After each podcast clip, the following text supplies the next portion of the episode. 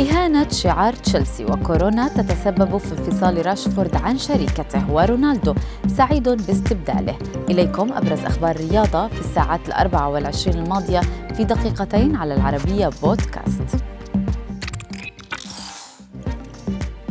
في لقطة جميلة أحضر الحارس كاسبر شمايكل مالك نادي ليستر سيتي توب ليحتفل مع اللاعبين بتحقيق لقب بطل كأس إنجلترا لكرة القدم حيث أهدى فريق الثعالب الفوز لوالده مالك النادي الراحل فيشاي الرجل الذي وقف خلف قصة نجاح ليستر في السنوات الأخيرة وراح ضحية حادث طائرة مروحية مأساوي في العام 2018 ونبقى ضمن أجواء مباراة التتويج بلقب كأس إنجلترا لكن مع خبر ربما يعكر الأجواء.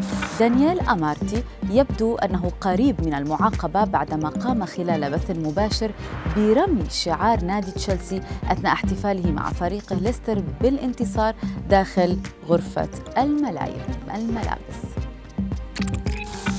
يبدو أن آثار كورونا النفسية تغلبت على ماركوس راشفورد وقادته للانفصال عن صديقته.